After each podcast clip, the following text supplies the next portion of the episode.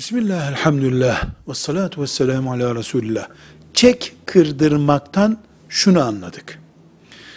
Üzerinde 100 lira yazan bir çek var. Bu mesela e, ayın 5'inde ödenecek. 5 gün önce de bu para lazım. Ay başında birine gidiliyor. Bu 100 liralık çeki bana 90 lira ver, sana vereyim diyor.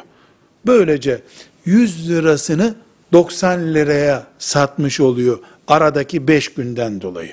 Eğer çek kırdırmakla bu kastediliyorsa cevap şudur. Bu bir faiz işlemidir ve caiz değildir.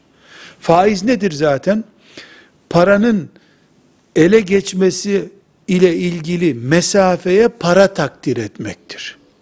100 lira alıp bu 100 lirayı 3 ay sonra vereceğim. 3 aylığına üzerine 10 lira koymaktır. Bu çek kırdırmada da yapılan işlem budur ve bu faizdir. Caiz değildir. Müslüman bunu yapmamalıdır. Velhamdülillahi Rabbil Alemin.